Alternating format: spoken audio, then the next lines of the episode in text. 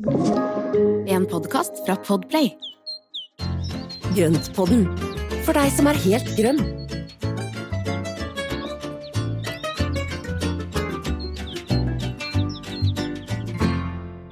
Hallo og velkommen alle sammen til han Espen og meg, Marianne. Eh, hvor er det vi er hen? Jo, vi er i Grønnpoddenland. Nå er vi i Grønnpoddenland, og vi er ferdig med høstferie, og eh, nå er det full gang igjen. Full gang igjen. Ute hos meg så Ja, blåser Ja, det nesten i hvert fall. Nest, ja, du er litt snørrete, jeg har vind som rusker i trærne, men ellers er alt bra. Ja. Altså, vi skal ikke klage. Det er sånn litt tett i bihulene, så hvis jeg høres litt sånn nasal ut, så er det bare forklaringa, så jeg beklager det på forhånd. Men eh, altså, humøret er på topp. Ja da, du, du høres piggere ut enn i går, så vi kan si at eh, det var bra vi ikke spilte inn da. Ja. Alltid noe å se liksom positivt på, vet du. Ja, ikke sant? Men du, altså, jeg tenker at eh, det er jo på en måte litt dumt at du er litt sånn tett i nesa i dag, for at nå er vi jo veldig på din banehalvdel. Altså, vi er jo alltid Ja. egentlig på din banehalvdel, men nå er vi veldig på din banehalvdel, for da skal vi faktisk snakke om hagedam, vannelementer i det hele tatt i hagen, og mm. selvsagt må vi ha med fisk. Og jeg har jo gleda meg sånn til denne episoden, så dette tror jeg blir veldig, veldig gøy, altså. Mm. Så, og det er jo ikke nødvendigvis at det skal være så svær dam, det kan være bare litt grann vann. Vann i en Mhm. balje, holder det. Det hørtes innmari fint ut. Nei, du, nå ruller vi i gang, ja. Ja, altså skal ikke jeg disse baljer med vann, altså, for det kan være fint, så klart. Men uh, Ja, ja, ja, ja. Ja men altså mange muligheter, kan vi jo si. Ja, Ja. men altså en liten balje med vann, en liten vannlilje og et par gullfisk oppi, Mm. altså det trengs ikke mer. Jeg hadde det på balkongen i mange år, ja, før jeg Mm. flytta til hage. Liten funka som rakkeren. Nei, ja, ikke sant. Det kunne man også tatt med. Men, eh, men da i hvert fall en sånn liten, eh, altså en liten tretønne, en liten, Ja. ja. et eller annet lite, noe, lite vannelement. Og det som er gøy, er at fuglene de finner det vannet likevel. Ja, og insektene. Ja, ja, ja. ja. For jeg har en sånn balje her ute i hagen nå, for at den eh, Altså, de store fiskene mine, de spiser opp alle vannliljene. Oh. Så jeg hadde så lyst på en vannlilje, så derfor så hadde jeg satt opp nå i, i våres en sånn balje med vann. Mm. Og det har vært masse fugler som har vært på kanten der og sittet og drukket vann i, gjennom sommeren. Er det da, Ja, Snakker du om plastbalje, eller har du noe i metall eller noe sånt? Sink, Sink, ja. Takk. Nå så du mye bedre ut. Jeg fikk med en gang opp oransje plastbalje, og fikk Ja, men- liksom ikke helt det til å passe inn i hagen din, men nå ser jeg det mer for meg. Nei, nå, jeg har jo brukt sink, og jeg har brukt kobber, og jeg har brukt også plastbalje, men det er liksom bare hvis, Da kan man grave den helt ned. Mm. Altså de store murbaljene, så grave de ned i et bed, så har du en Ja, ja, men så klart du kan gjøre det. God, allerede her får vi tips, altså. Tusen takk. Men du, jeg tenkte jeg skulle, for at i tillegg til dammen din, som jeg må si har noe av den beste plasseringen jeg veit om, jeg syns den ligger så fint i terrenget ditt, så tenkte jeg på en annen et annet vannelement som jeg har sett bare på TV, dessverre, men det er jo den um, de som lager uh, Sommerstedet i Sicilia. Har dere sett på den serien med hun eh, Marie Olsson Nylander? Hun designeren? Den har ikke jeg sett. Nei, den bør du se på hvis den fortsatt ligger på NRK-appen. I hvert fall Ja. der lager de For der har de en gammel hage som de da gjør ny. Det her er jo midt inne i sentrum av en gammel sånn arbeiderby på Sicilia. Så de Mm. pusser opp og sånne ting. Og i hvert fall der har de noe som de kaller for fandens sparke. Hva kaller de det? Ah, det skulle jeg kunnet. Det er så fint, litt sånn, høres litt sånn romerskt ut. Det er sikkert fra den tiden. Altså sånn, du har en slags sånn betong eh, En firkanta eller rektangulær form, støpt, Ja. og så har du vann oppi der inntil en av veggene. Eh. Delfinium, jeg tror ikke det heter det, men et eller annet sånt. Og så der har de da litt vannliljer og litt fisker og sånne ting oppi. Bare liksom sånn, Ja. ikke stort, men, men det, det gjør jo utrolig mye for den hagen, som er da mellom murvegger og midt inne i en by. Så det er bare Den, vil jeg sette etter hvis du søker Ja. på lett etter, for det er kjempefint. Nei, men Det er veldig godt tips. Men det der i vannelementet, altså det virker jo svalende bare det å se vann. Mm. Eh, virker jo også svalende. så det å være, altså Når du er, bor i varme klima, så ha da et vannspeil. Og, og det er jo en, disse, disse um, Monty Don hadde jo en sånn reise nedi, var det i, var det i Marrakech eller hvor det var? Hvor det var liksom sånne bakhager. Mm. Hvor de da hadde vannspeil og hadde Ja, kanaler og sånne ting. Så det er jo det, det, Du får en helt annen følelse med det. Skal jeg vi dra i gang litt historie, da, når du nå nevner Ja. det her sånn? Fordi Ja, at, gjør det. velkommen til Mariannes forelesning. Nei, men altså bare fordi det er jo litt gøy, det der med hage og vann. Det er jo absolutt ikke nytt. Det er jo gammelt. Mm. Og det første bevarte hagedesignet, altså plantegning, regner jeg med, da, av en hage, den er fra 1400-tallet før Kristus og Egypt. Kan du tenke deg? Oi, Ja, og der hadde de blant Såpass lenge. Ja, sikkert før det òg. Jeg mener, de hadde jo sikkert noe i Mesopotamia, og det var jo Altså ja, også da- Kina. Ja, og Kina, ikke sant. Men da var det i hvert fall da eh, annet fire rektangulære dammer med eh, fugler. Eh, og i gamle Hellas så hadde jo disse byvillaene hadde jo atrium med vannelementer. Og som du sier, i Marrakech, altså hele den arabiske eller islamske verden, var jo det her veldig Mm. vanlig. Eh, og noen av de var jo veldig avanserte. Altså, det var jo noen steder så var det jo bare, altså, som du sier, et enkelt vannelement. Men særlig araberne var jo veldig flinke med det å liksom få vann i bevegelse. Mm. Eh, og eh, der hadde de Det var jo både som du sier at det var svalende, bare det å se på vann gir deg en følelse av at det svaler deg ned, men så klart det gir også en, en annen temperatur akkurat i området rundt. Mm. Og så er det behagelig med bevegelsen. Ikke sant? At det er en sånn, særlig hvis du har fontene eller en liten elv eller noe sånt, så er det jo en god lyd. Eh, så det var veldig vanlig.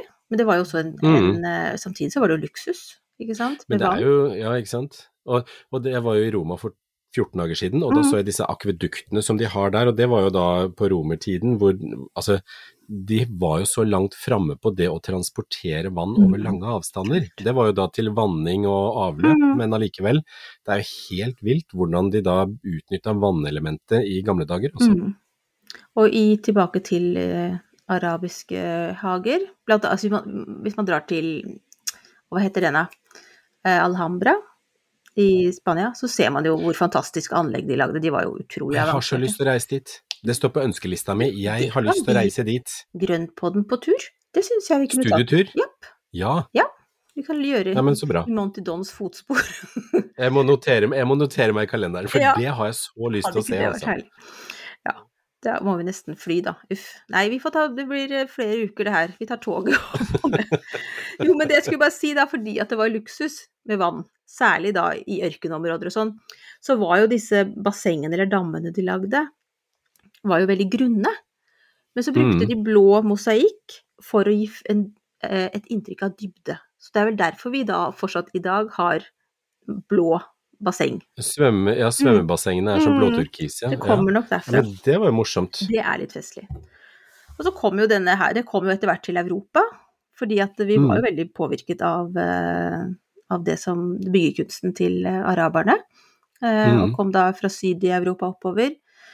Og blant annet så var det visst en fantastisk villa i, det må jo ha vært i Roma det da, det var i hvert fall i Italia, Villa S d'Este, der de skulle hatt, det visstnok var en, en, altså en elv, på en måte, som snodde seg gjennom eh, hagen. Det høres jo rimelig Oi. avansert ut. Ja, det er ikke, det er ikke hvermannsen. Nei. Så var det også fontener, og det var jo også, tror jeg, basert mye på kunnskap fra eh, den islamske byggekunsten. Så du ser jo for deg disse Mhm. praktfulle eh, slottene til de franske kongene og sånne ting. Der var det jo mye sånn vann i bevegelse, ikke sant. Det var jo overdådig og flott. Og så hadde du mer England, der det var mer som vi jo kjenner igjen fra cottage-stilen, så var det mer Ja. altså innsjøer og mer organiske former og bekker og sånne ting. Så Ja. Det er utrolig spennende, altså. Ja, det er så Ja. kult. Og jeg har jo vokst opp med bekk gjennom hagen. For hjemme hos mamma og pappa så går det en bekk ned, eller en på hver side av huset, Mm. faktisk. En sånn, den, den ene den tørker litt fort ut, mens den andre den er jo på og sildrer da store deler av sesongen. Så fint. Så, men nå i sommer så har det jo vært så knusktørt der, så den har vært helt tørr. Ja. I, fra, jeg vet ikke, fra midten av juni og helt fram til nå seint på høsten. Mm. Så, men det er veldig, veldig gøy med, med naturlige bekker også, hvis man da har, er så heldig å ha det. Mm. Ja, det skulle jeg gjerne hatt. Og Altså. har man ikke det, så kan man lage seg en bekk. For Kan man bekk lage seg en er jo Ja, for bekk er jo også et vannelement som er utrolig fint hvis man ikke har lyst til å lage en svær dam. Mm. Så kan man da, og har en liten skråning i hagen, og så kan man da lage den i sånn buktende, altså litt sånn uh, buktende sidevei, sånn at du da kan lage små kulper, og så kan du plante inn og legge inn for, altså steiner og sånne ting, og så demme opp litt, sånn at du får disse her små si, vannflatene, Mm. og så da no, noen sånne små terrasseringer nedover. Det Mm. er kjempefint. Åh, ja. Ja. Det er mye fint. Og det er jo det rent estetiske, at det er godt for blikket. Men hva Mm. tenker du om hva vann i hagen gjør med menneskesinnet? Har du tenkt på det noen gang? Hva er det du opplever når du rusler rundt i hagen og er i nærheten av dammen din? Altså, jeg opplever litt mer ro. Mm. Altså, det å da ha vann i hagen gir meg mer ro, fordi det er noe som er så Ja, det er veldig godt å sitte og se utover vannet og, og høre den der lyden av rislende vann. Mm. Det, det gir en helt egen følelse. Mm. Så jeg tenker sånn for, for Og det hører jeg folk som har kommet på besøk her sier også, at det er veldig godt å se på. og Det, liksom, det gir en sånn rolig følelse og en sånn litt lavere tempo, da. Ja. Det er morsomt det der forholdet vårt til vann. At det er så Ja. Det ligger liksom så inni oss at det er noe godt. Men det er jo også et av de elementene som vi er avhengig av for å overleve. Ja, det er vel Det er kanskje derfor. ingenting Mm. som overlever uten vann. Nei, så, sant det. så det er liksom sola, og så er det vannet. Det er liksom så, det er et helt grunnleggende Mm. element som vi Mm. er avhengig av. Vi er, ja, det er en del av vår eksistens, rett og slett. Jeg tenkte Mm. på, apropos det, apropos det du sier med at uh, lyden av vann som på en måte er i bevegelse, at det, Mm. det gjør noe godt med deg. Så jeg har et lite tips, og det er jo at hvis man bor et sted der det er litt støy, f.eks. fra gata utenfor eller noe sånt, så kan det være lurt å ha, plassere vannelementet sånn at du hører lyden av vann, da.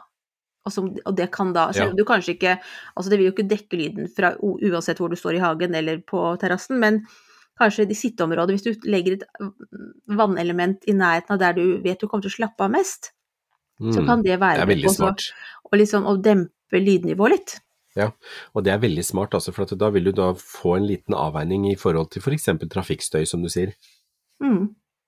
Jeg tenkte på én ting. Når du la an la dam, kan ikke du Ja. fortelle litt om den reisen, den historien? Altså hvorfor i det heiteste, liksom? Det er jo, for vi vet jo at det, var veldig mye graving, for eksempel. Det var, er et omfattende prosjekt. Det er et omfattende prosjekt, og det er liksom ikke alle jeg anbefaler å gå inn i så stort hvis man ikke har en liten minigraver. Så det, det er i hvert fall uh, lurt. Men det, altså, grunnen til at jeg hadde lyst på det, det er, det er flere grunner til det. Det ene er at jeg har jo alltid hatt akvariet. Mm. Alltid drevet med fisk. Uh, Syns det er veldig spennende, og ha, hadde lyst til å liksom ta det steget ut og se hvordan det kunne være i uterommet.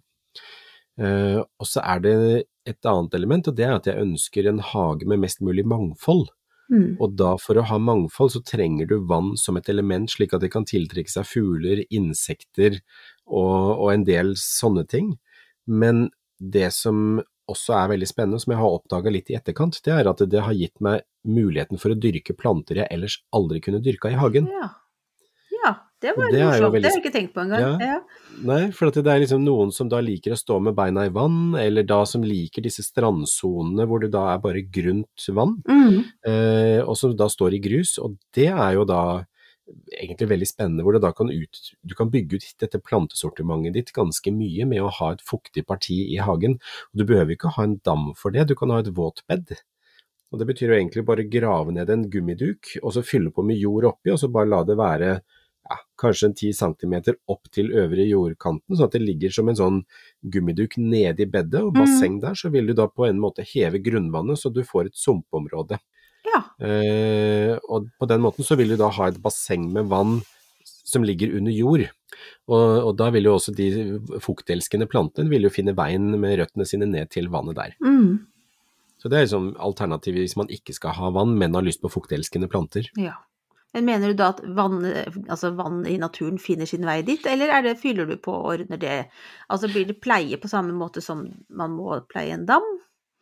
Nei, egentlig ikke, ikke eller ikke i det hele tatt. Nei, det er mer selvdrevent. Ja, for at Ja. når du vanner, så vil det fylles opp. Også, også istedenfor at vannet dreneres ned i grunnen, ned til Mm. grunnvannet, så vil vannet bli liggende veldig mye høyere opp, slik at det bare er et tynt lag på toppen som er litt tørt. Men resten av vannet vil jo ligge nede i dette gummibassenget Ja, som du da sant. har gravd ned. Mm. Så, så det er jo en måte å liksom Ja, jeg tror de kaller det for våtbed, det. Våtbed. Eh, også en veld, veldig spennende måte å, å, å anlegge da bed som da skal ivareta fuktelskende planter. Kjempegøy. Kanskje vi burde hatt en liten sånn miniepisode slash avlegger om våtbed? Altså bare noen tips om hvilke Mm. Ja. planter som skal være der. For det her var jo Åh, det er så mye fint! Ja, det er jo jo det er fremmed for mange av oss, men samtidig som du sier, det er jo utrolig mye vakkert. Mm. Og du har jo alle disse her primulaene, disse her eh, japonikumene, som de, de der etasjeprimulaene som finnes i forskjellige farger. Mm. Eh, og det er bekkeblom, og du har noen orkideer som liker veldig fuktige områder. Du har myrplanter, eh, soldogg, sånne kjøttetende planter. Altså, det er, det er så mye gøy. Altså, Har du det rundt dammen din? Eller hva er det du Ja, hva, hva er du mest fornøyd med å ha i dammen? Hva bør man ha av planter i dammen? Liksom, du kan få lov til å velge tre, tre Oh, ja, så da blir det sikkert fem. synes jeg jeg sier, jeg sier tre, da vet vi det blir fem. Nå er du veldig streng, Marianne. Eh, det som jeg syns er veldig fint, bukkeblad. Altså, jeg tenker litt naturlige ting. Mm. Bukkeblad, det er jo den som vokser ute i tjern og sånn. Superfine hvite blomster tidlig på våren, og så kommer bladene som ligger med sånne tre blader opp utover uh, vannspeilet. Kjempefin. Um, og så har vi, hvis jeg må velge,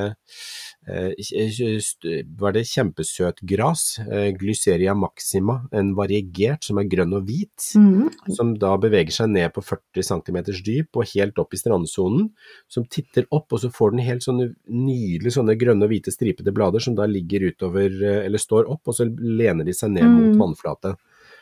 Eh, det var to, og så har jeg jo da den derre myosotis scorpioides, som er en, en eh, sånn vannforglemmagjei Å, som har litt større blomster enn vanlig forglemmajeien. Den er Mhm. toårig.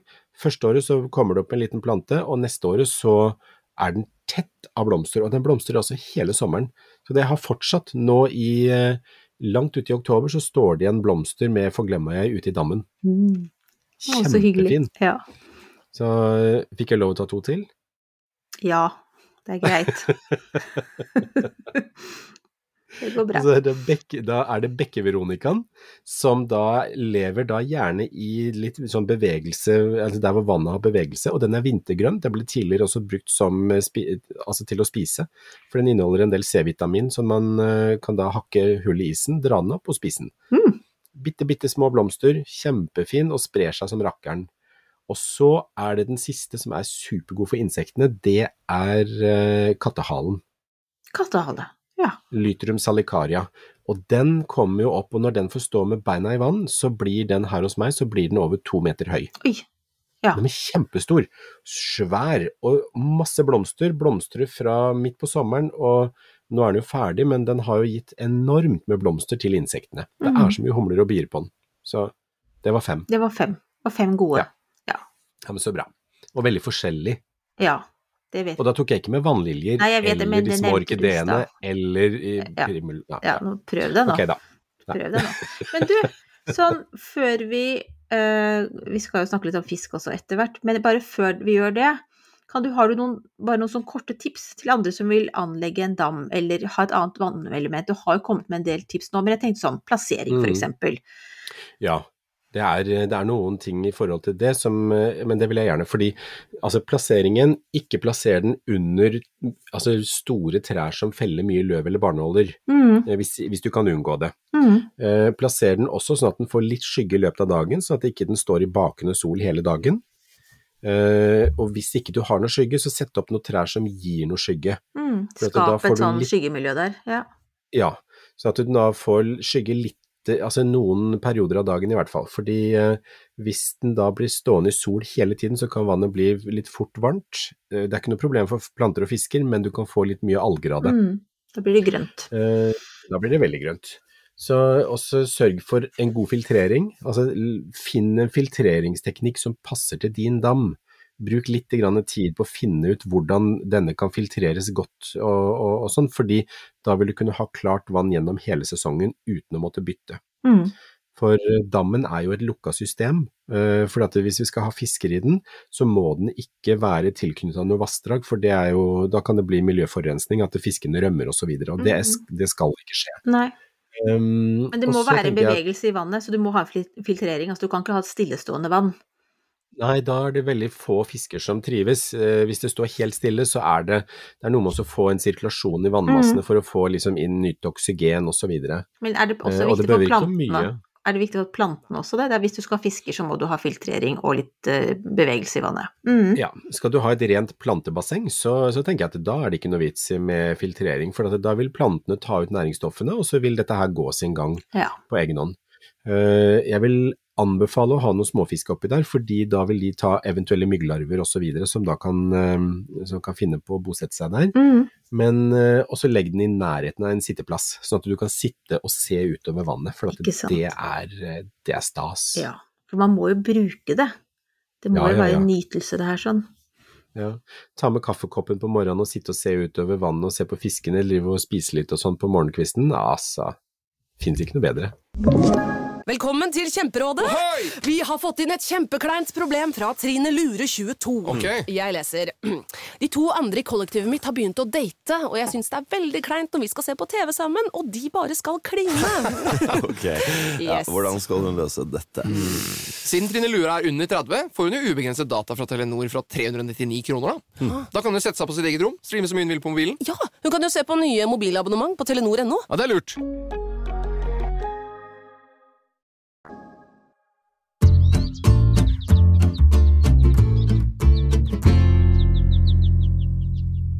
Nå snakker vi ikke om fiske.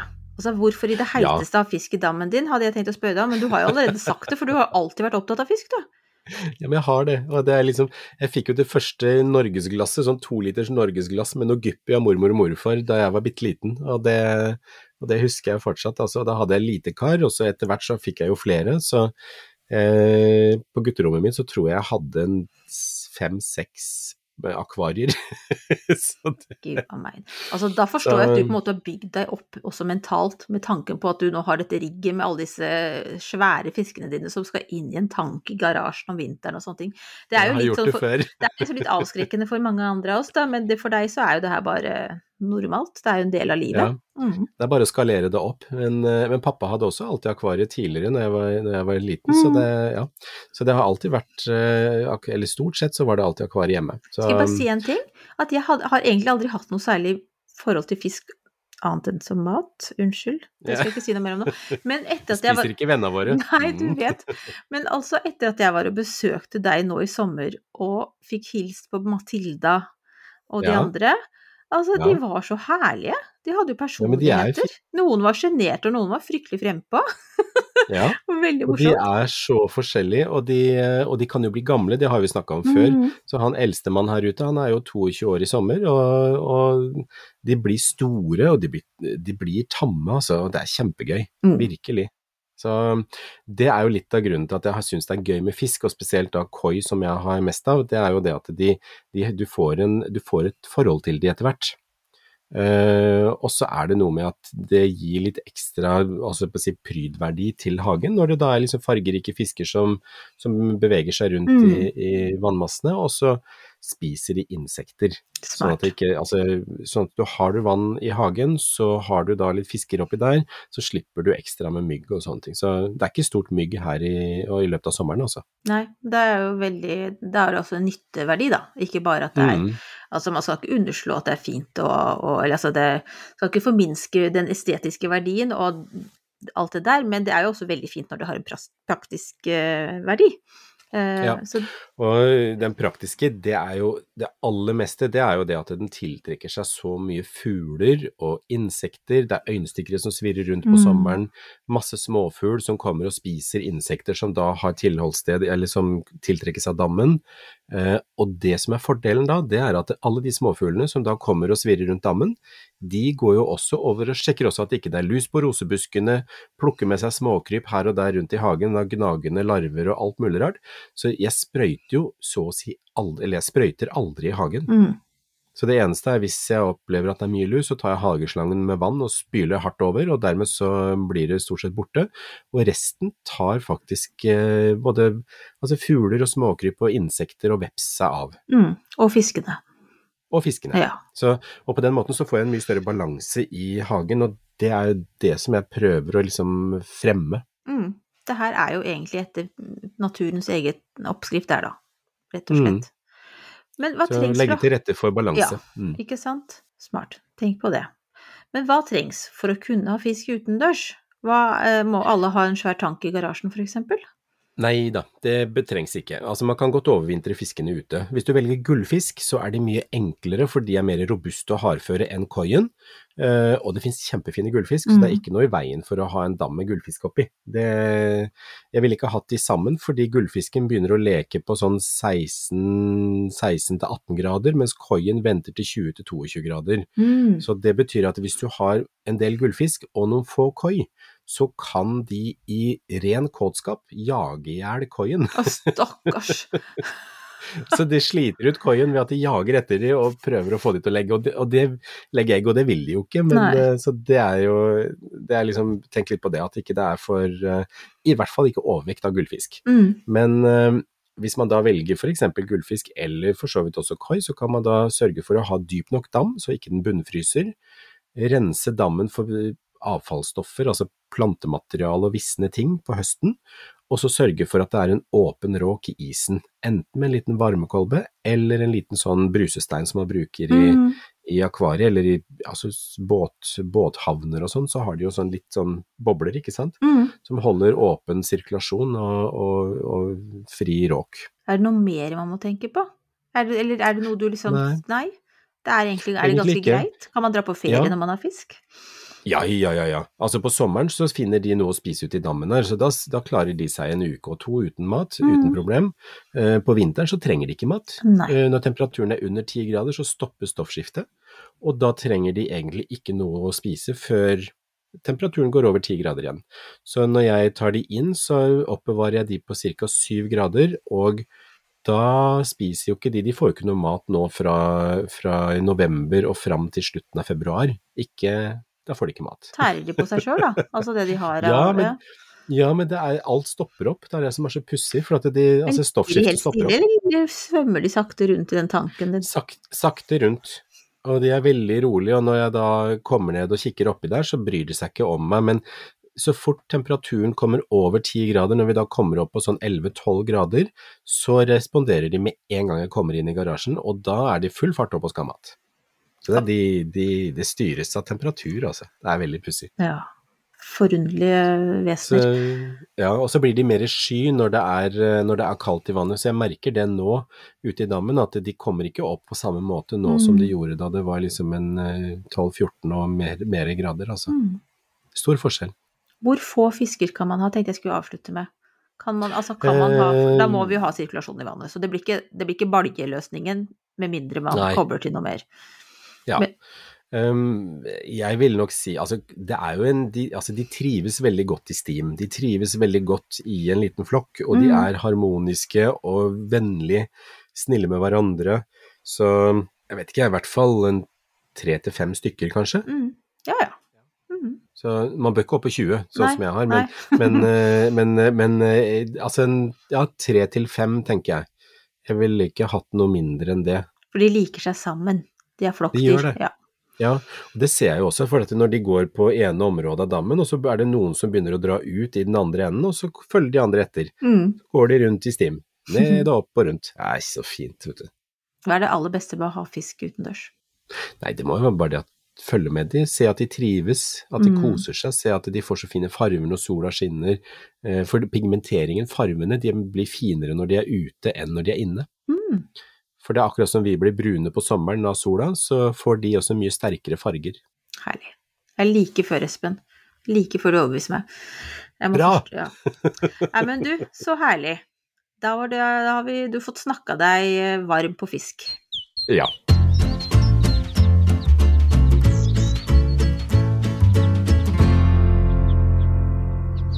Da lar vi fiskene seile i sin egen sjø, eller noe sånt. eh, og så går vi over på ukas plante. Aonium arboreum. Var det Ja. riktig? Aonium, Ja. ja. Mm. Hva er det for noe? Nå må jeg søke, en- merker jeg. Ja, og det er altså en så vakker, eh, vakker sukkulent. Det fins en hel mengde med aoniumer, og den ser egentlig ut som takløk, som er sånne rosettdannende sukkulenter Mhm. som sitter oppå en stilk. Uh, og akkurat aonium arboreumen, den uh, Jeg har en som uh, jeg ikke vet eksakt sortsnavnet på. For det finnes jo da ulike i forhold til hvilken farge de har, hvilken form på bladene og sånne ting, men felles for de alle er at de har en veldig sånn tydelig rosett som blir veldig tett og fin når den får nok lys. Så den står ute hele sommeren, og når det er full sol, veldig fint, eh, altså fine vekstforhold for den, så får den da nesten sorte rosetter. Mm. Og den er, altså, så den min har sånn der brunrustbrune nesten over mot mørkebrun, altså sånn ordentlig sånn burgunder, eh, og blir altså så fin. Når det blir mindre lys, så blir de lysere, og da lyse grønne.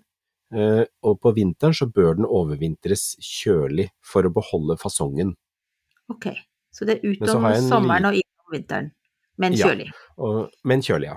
Eh, sammen med kaktuser og alt mulig Mm. annet rart. Men jeg har jo da en annen en som heter eh, Den heter vel Sunburst, eller Kiwi, Aonium Kiwi, som har en liten, altså mye mindre rosetter, vokser mye langsommere og er mye tettere i veksten. Og den er jo nesten sånn derre Det ser ut som en liten solstråle, altså. Den har sånn derre litt grønne søt. og hvite Ja, den er Men den har ikke Altså, arboreum, går det på at det er et tre? At den har den stilken, Den, tror du? ja, for den er litt større, den er Mhm, høyere, høyere i stilken, og den blir liksom eh, Og det som er lurt med de, er at man fornyer de hvert annet, hvert tredje år, fordi at når de blir så høye, Mm. så, så skyter de ikke så godt med sideskudd, og dermed så blir de liksom knekket etter hvert. Mm. Så, så jeg pleier å fornye de sånn at jeg har en sånn toårssyklus på de. Så, så jeg tar nye stiklinger, og så plan- setter de rett i substrat, altså i mineralsk substrat, og så roter den seg, og så kommer den ut på sommeren. Ja, Det er veldig fint. Fine. Ja, vet du hva, det var et morsomt møte. Og, det, Og syns- den eh, har, er er du fornøyd med beskrivelsen? Syns du vi har dekket at vi har klart å beskrive den riktig? Jeg syns det, Ja. det at den er på en Jeg stilk, og så er det fantastisk fin Altså krone, er det det du kaller det, på toppen? Ja, ros, rosett. Rosetten er veldig. Rosett på toppen. Men er så det er det en Ja, kan jeg, kan jeg spørre om en ting? Fordi at du Ja. sa at den ble mørkere jo mer de sto ute og sånne ting. Men er det noen som i utgangspunktet er mørke? Eller er det, all, er det Ja. samme, og så blir det mørke? Nei, det er, noen er mørkere, noen er lysere. Det er litt avhengig av sorten du har. Ja. Så det kan være forskjell. Så hvis du velger de mørke, så, så, så er den gjerne beskrevet det fra start. Veldig fine. De var litt dramatiske. Ja, ikke sant? Mm. Og det som er litt morsomt, da, det er jo da Nå, nå er dette er ikke arboreumen, altså kiwien er ikke arboreum, Nei. den lille sunbursten, Mm. men en annen som ikke er arboreum, som også heter aonium, er aonium tabuliforme. Og tabuli Hvor bor det, da? Ja, Tabuli. og den blir paddeflat. Ja! Den blir flat, og så legger den seg utover. Og så har den da denne her fantastiske veksten som går utover og nedover istedenfor, men har nesten ikke noe stilk. Den var festlig. Den var, men er tabula Hva er det om jeg søker tabula? Du vet, det er så morsomt med disse Taburett, tenker jeg med en gang. Ja, ikke sant? Ja. Nå kom jeg på veldig mye som ikke var eh, noe til hjelp i det hele tatt, men det er i hvert fall det er flatt. Ja. Mm. Og den er altså paddeflatt. Det er, og det, det jeg mener med det, er at det er så utrolig mange gøyale aoniumer. Så aeonium, og så begynne å søke litt og google litt på det, så finner man jo masse gøy. Masse morsomme. Og tabula betyr altså bord på latin, så har vi av, fått med det også i latinhalvtimen. Ja, så bra. Så, Ja, det er ja, aeonium, absolutt morsom. Er de vanskelige å stelle, eller Nei. er de greie? Veldig enkle, så hvis de får nok lys, eh, la de tørke ut mellom hver vanning, eh, og så sette de i mineralsk substrat, altså bare sånn gruspartikler, eh, og så gjerne ut på sommeren i solveggen eller hvor som helst, på balkongen, terrassen, hvor som helst, hvor det er sol og mye lys. Da har du overbevist oss igjen, vet du. Aonium, folkens, det er det vi skal ha nå. Vi kan vente til sommeren da, kanskje. Og så slipper vi å begynne med å ha dem stående i, i kulden, holdt jeg på å si. Eller Nei, men man kan jo sette de under plantelys. Jeg har satt de under plantelys her. Ja. Mm, jeg har et par stykker inne, som blant annet en sånn tabuliforme som jeg sådde for tre år siden. Den står nå under vekstlys i vinter, for jeg vil, ha, jeg vil sørge, jeg prøver å få den litt større før våren kommer. Mm. Ja, ja, ja. Du For den vokser så seint. Ja. Akkurat den vokste veldig seint, så jeg driver og jobber med den. Ok. Du, ukens spørsmål. Det er hagedamrelatert, så det passet jo utmerket. Eh, Ja, det det er jo litt festlig når temaer Men vi har kanskje sagt at vi skulle snakke om hagedam, så det var kanskje ikke så tilfeldig likevel. Men vi later som om dette var jo fantastisk sammentreff. Eh, skal vi Mhm. se. Det har du fått inn. Har du lest igjennom det? Vil du gjengi spørsmålet, Espen, for det var ganske langt? Ja, det kan jeg gjøre. Det var egentlig et litt sammensatt spørsmål. For det ene er dunkjevle. Eh, kjempefin plante å ha i dam. Mm. Eh, gjør jeg noe med den på vinteren, eller før vinteren? Klipper de ned? Skal de visne? Eller, så, eller skal de bare stå fram til våren? Eh, og da vil jeg anbefale å fjerne kolbene, altså de brune frødingsene på dunkjevla, fordi den vil spre seg. Så for at det ikke det skal spre seg rundt i dammen, litt avhengig av størrelsen på dammen, så er det greit også å fjerne den frøkolba. Dunkjevle er kjempefint. Jeg har aldri visst at det heter dunkjevle. De er sånn nesten sånn, øh, sånn tegneserie Altså det er som sånn Det er ikke det jeg mener heller, men de er liksom så utrolig Formen deres er liksom så tydelig. Den er nesten sånn karikatur på hva, hvordan en, en, en, en våtmarksplante skal se ut, liksom. Det er kjempefint. Ja, Og den er kjempefin. Og den derre duna, eller når man tar den inn for seint, så kan man jo oppleve For den er fin å tørke, ikke sant. Og Mhm. tar man de for seint, så kan man oppleve at poff, sier det, og så er det bare en million med frø Ja. rundt omkring i stua. Mm. Og det er jo da ulempen med de. Men jeg mener å ha lest også at i gamle dager så brukte man de frøfluffet til å fylle inn i puter og sånn. Ah, derfor dun. Fordi den er så veldig, den er så veldig fluffy og fin i Mm. duna. Dunkjevle. Ikke uten ja. grunn. Kjevleformet og med dun inni seg. Ja. Ja. Eller Men det som, eh, det som kan være med dunkjevle, altså hvis du har de store dunkjevlene med veldig kraftig vekst, så kan de være litt rampete med damduken. Så vær litt forsiktig hvis du har en eh, dam med gummiduk. mm. Eh, og da finnes det en mindre variant som heter Minima, eh, som går an å få tak i, som har små dunkjevler. Og da blir ikke dunkjevlene mer enn ca. 10 cm høye. Er det Det er de som er litt rundere, på en måte, eller er de like eh, For jeg ser noen som jeg ser Noen som er liksom nesten litt mer sånn- Ja, ikke sant. Er det minima? Den også den som har litt langstrakte, så det Ja, finnes to forskjellige kortere, typer av den. liksom. Ja. Mm. Ja, bare kortere og mindre, nettere, og ikke så kraftigvoksende. Mm. Så, så det er noen som er der. Eh, og så var det et annet spørsmål her. Klipp, eh, ja, tar du, ja, tar man rengjøring av, av dammen på høsten, bytte vann, eller vente til våren? Og da sier jeg det at jeg pleier å ta inn fiskene, og så lar jeg dammen fryse ned. Mm. Eh, og så gjør jeg ingenting annet enn å bare ta inn fiskene og sørge for at dammen står eh, gjennom vinteren. For da ligger alt sammen beskytta under isen eh, av planter og, og Mm. småkryp i bunnlaget og alt dette her. Men skal du overvintre fiskene ute, så må du rense dammen på høsten. Okay. Jeg tar all rensinga på våren, da tømmer jeg ned, klipper bort og renser, fjerner og rydder og gjør det fint før sesongen. Eh, men hvis man da skal overvintre dammen, nei, overvintre fisken i dammen, så bør du ha så rent vann som mulig. Og da bør, for det er altså spørsmål, eh, kan fiskene overvintre, eh, overvintre ute? Og hvis dammen er så dyp at den ikke bunnfryser, det er som vi sa i stad, så vil du kunne overvintre fiskene ute. Med så rent vann som mulig. Ja. Og den personen som har stilt spørsmålet, lurer jo da på spesielt på om det er noen koi som kan overleve med de forutsetningene som eh, den personen har, Mm, ja. eh, eller om man må sette gullfisk. Ja, og siden han har så mye gullfisk, så, sånn som vi sa også, så vil jeg anbefale å holde seg til gullfisk, fordi han har en ganske stor gruppe gullfisk allerede, Mm. og da bør de eh, 40 gullfisk? Herregud, ja, Ja. det var en stor gruppe, det. Men de yngler, vet du. Ja. De legger jo egg og herjer og står i, vet du. Det er så fint. Det er, det er gøy, det. Så, og da er, da er det Da ville jeg ikke introdusert noen koi til den gruppa, for de kommer til å bli jaga Mm. når gullfisken begynner å leke. Da må du lage en dam til. Koidam og gullfiskdam. Altså, det er alltid en mulighet. ja. Vi lar den ligge, Espen. Hva gjør du nå? Tenkte jeg vi skulle ta av, avslutte med en runde på den. Altså nå så er det For det første så er det jo det å få noe mer blomsterløk ned i jorda, finne steder å putte det ned. Eh, for jeg, jeg syns det er litt utfordrende, fordi georginene står fortsatt så fine. Ja. Og en del av de stedene hvor georginene står, så vil jeg ha ned blomsterløk som skal blomstre til våren. Så det ligger litt løk på vent, rett og slett. Mhm. Og så er det rett og slett å begynne å bære inn planter, for nå har jeg tømt og rydda vinterhagen, satt opp hyller og gjort klart, og begynner å bære inn planter. Jeg har jo et par potter som skal inn. Ja, vi vet det. Det vi, Så jeg syns ikke synd på deg egentlig, for du har kjøpt dem en gang i tiden, men samtidig så er jeg så unn... Jeg syns litt på synd på deg for for de blir jo større og større for hvert år. For at de, de Ja, men vokser de gjør det. Ja. Og det er, så, det, så jeg tar det over langen så jeg ikke skal slite meg helt Mm. ut. Så jeg driver og tar, plukker inn nå litt og litt og litt, altså. Mm. Ja. Så det blir, det blir bra. Men du da, Marianne, hva gjør du? Jo, vi jobber jo videre med Bolbanen. Er veldig fornøyd med den. Den eh, begynner å ta litt form. Eh, Så gøy. Ja. Så det er eh, Det blir gøy. Vi får se om vi, vi skal ha noe mindre, noe sånn tynn sand nå, for nå har vi så lagt grunnlaget. Så, Ja. så det blir bra. Ellers så er det jo eplehøsting. Um, og nå Altså, jeg vet jo ikke hva slags type det er, men vi har altså et tre nederst i hagen. Det er så gode epler der. Det står liksom Å, så bra. du må da vente til de har tatt eh, Altså, for den vender ut mot åkeren. Mm.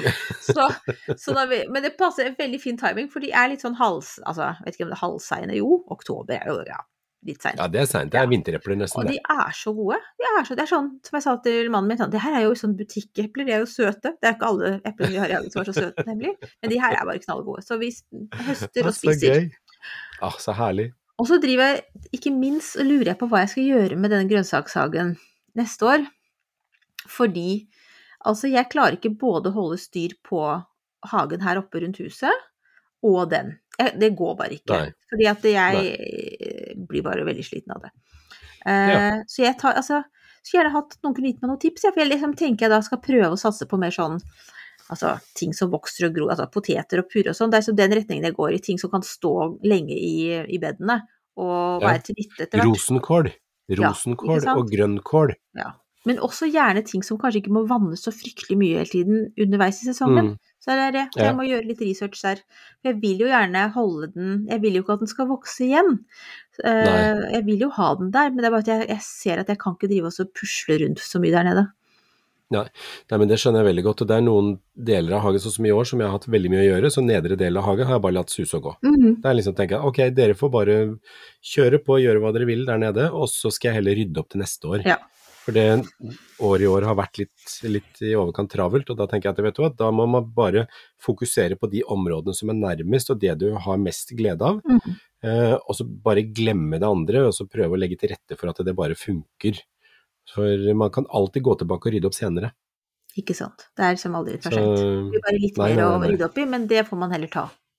Ja, men det er istedenfor at man skal gå liksom og hele tiden holde på noe og ha dårlig samvittighet for noe sånt, bare prøv å glemme det. Tenk Ja. at dette her tar jeg seinere. Yes. Og så kan man jo plante inn jordskokk, er også fint, for den er jo høy og den rager jo over alt annet, så det er liksom Mm. ikke noe annet som eh, som- Og det er godt. Ja. Ja, men jeg tror jeg skal, jeg skal gjøre Jeg tror jeg skal bruke litt øh, vinteren på å bare planlegge Du vet det går tregt. Jeg gjør research. Det, tar, det kan ta noen måneder, det. Så får jeg finne på en god plan til, eh, til, eh, til neste sesong. Ja, men så bra. Mm. Men du Marianne, én ting til. Jeg så dere har uh, i full gang med tørke valnøtter igjen. Ja! Det er så fint, og de var så gode når jeg fikk smake på det. Altså, det er det beste jeg har smakt i hele mitt liv. Ja, du kommer til å få noen i år òg. Altså, Ja, nå, er, herlig. nå er det Morten, mannen min, som er i gang, og han Du vet, alt blir liksom større når han setter i gang.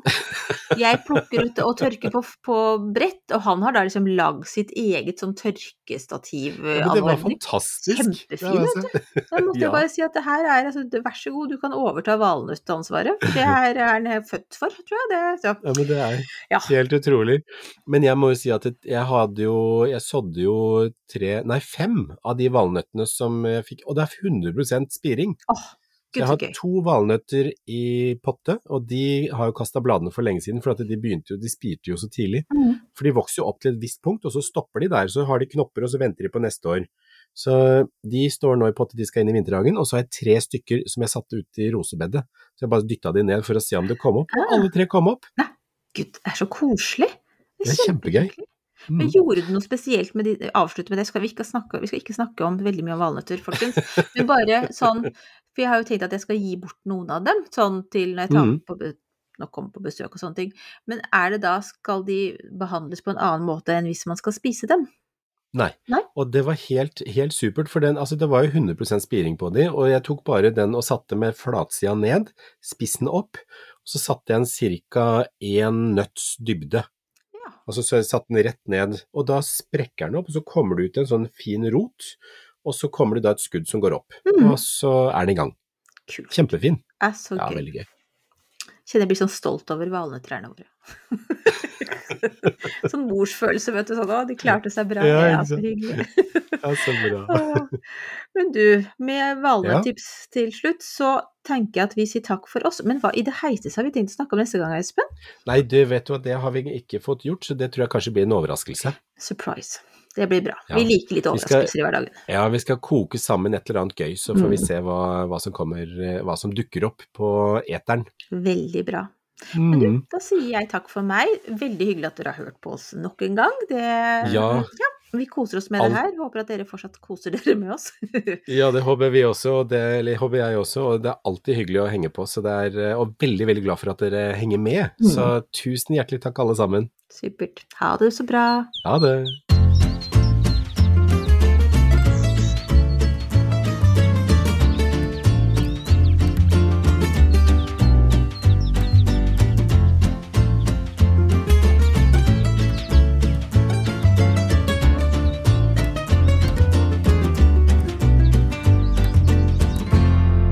Du har hørt en podkast fra Podplay.